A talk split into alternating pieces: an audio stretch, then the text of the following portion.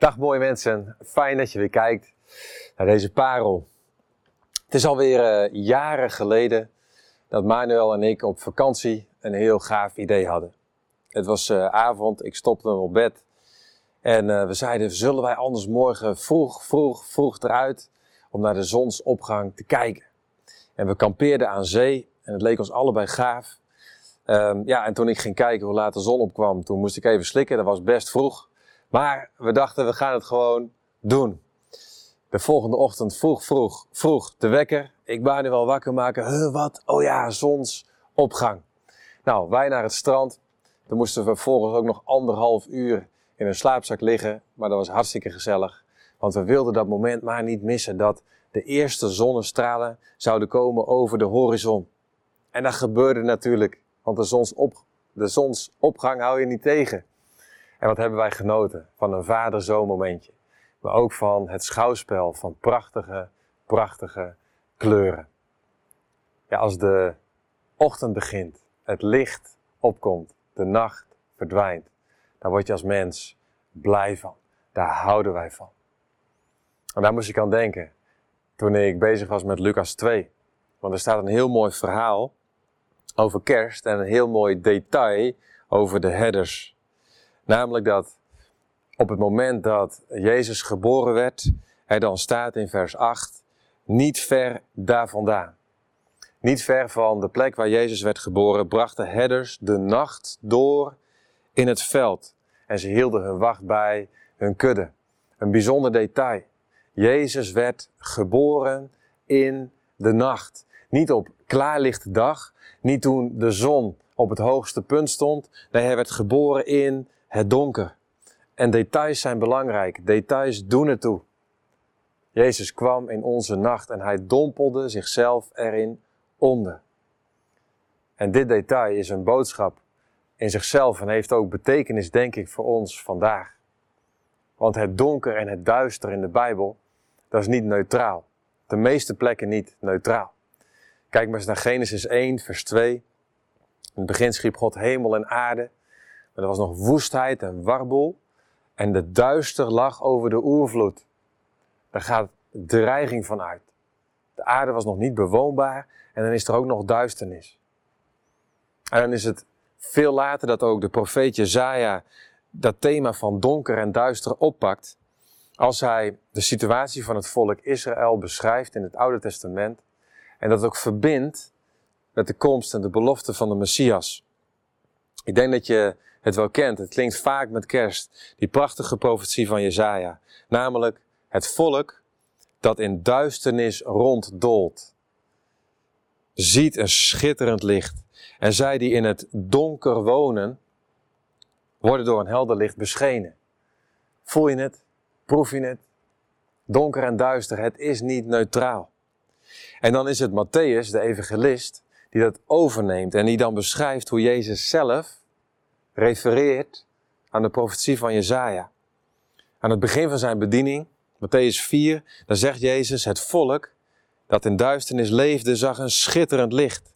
En zij die woonden in de schaduw van de dood, werden door een licht beschenen. En dan gaat het niet alleen maar meer over het volk Israël, nee, dan gaat het over het Galilea van de heidenen. Dus dan zwaait de deur open naar de rest van de wereld.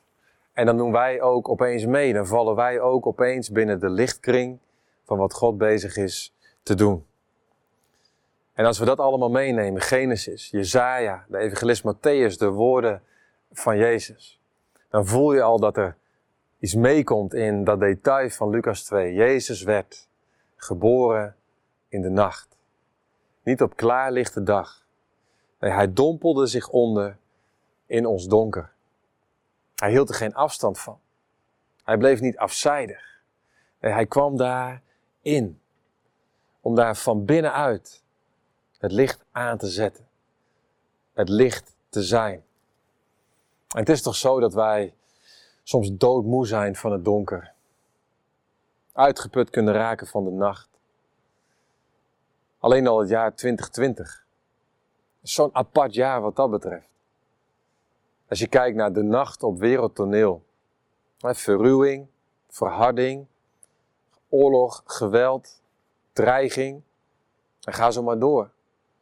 Maar ook de nacht in onze persoonlijke levens. Ook verlies gebrokenheid. Tasten, zoeken, even niet weten. Zoveel dingen die, ja, die op ons pad komen, waardoor we het gevoel hebben van, hoe, hoe vind ik mijn weg? Het is zo donker.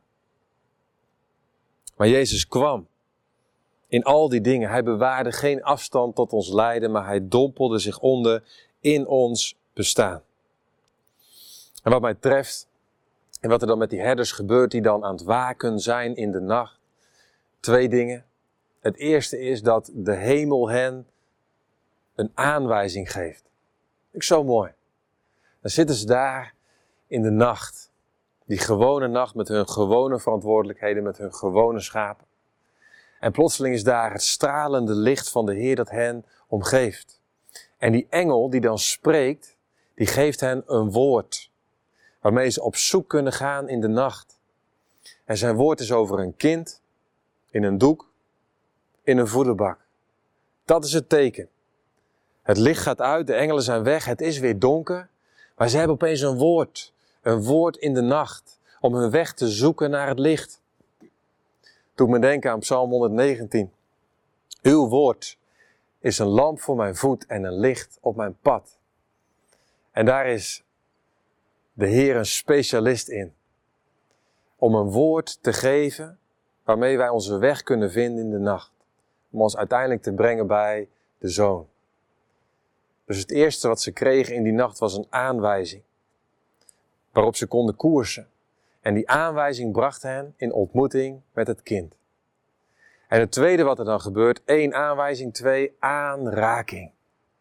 Zo bijzonder dat dat kind, die koning, ze zien het kind. Ze buigen neer. Ze bewijzen eer. En dan gaan ze vervolgens die nacht weer in. Maar ze zijn aangeraakt. Want wat is er gebeurd? Het is nog steeds nacht. Het is nog steeds donker. Maar er is een lied in hun hart en ze lopen te zingen het lied van de engelen. En dat is wat er gebeurt als je een woord ontvangt wat jou in de, in de nacht op weg stuurt. Dat is wat er gebeurt als je in ontmoeting komt met Jezus. Als je een aanraking ontvangt, dan kunnen de omstandigheden hetzelfde zijn. Maar dan is toch alles anders. Want er is er een licht aangegaan. Dan ligt er een lied op je lippen. En dan ziet het er anders uit. En weet je wat mijn gebed is? Mijn gebed voor deze week. Mijn gebed voor deze kerst. Dat al die mensen die wij aan onze tafels hebben uitgenodigd, kerst aan tafel. De mensen die wij uitnodigen om samen met ons die kerstfilm te kijken. Dat het komt tot aanwijzing. Dat er iets zal zijn wat hen zodanig raakt, dat terwijl ze aan het zoeken zijn misschien van ja, wie is Jezus? Wat heeft hij? Wat heeft hij voor mij? Maar dat ze door die aanwijzing op zoek gaan bij hem uitkomen. En dan uiteindelijk ook aangeraakt worden. En iets mogen merken van wat er hier gebeurt met die herders. Uiterlijk mag het allemaal hetzelfde lijken. En toch is alles anders. Want er is een licht en een lied gekomen.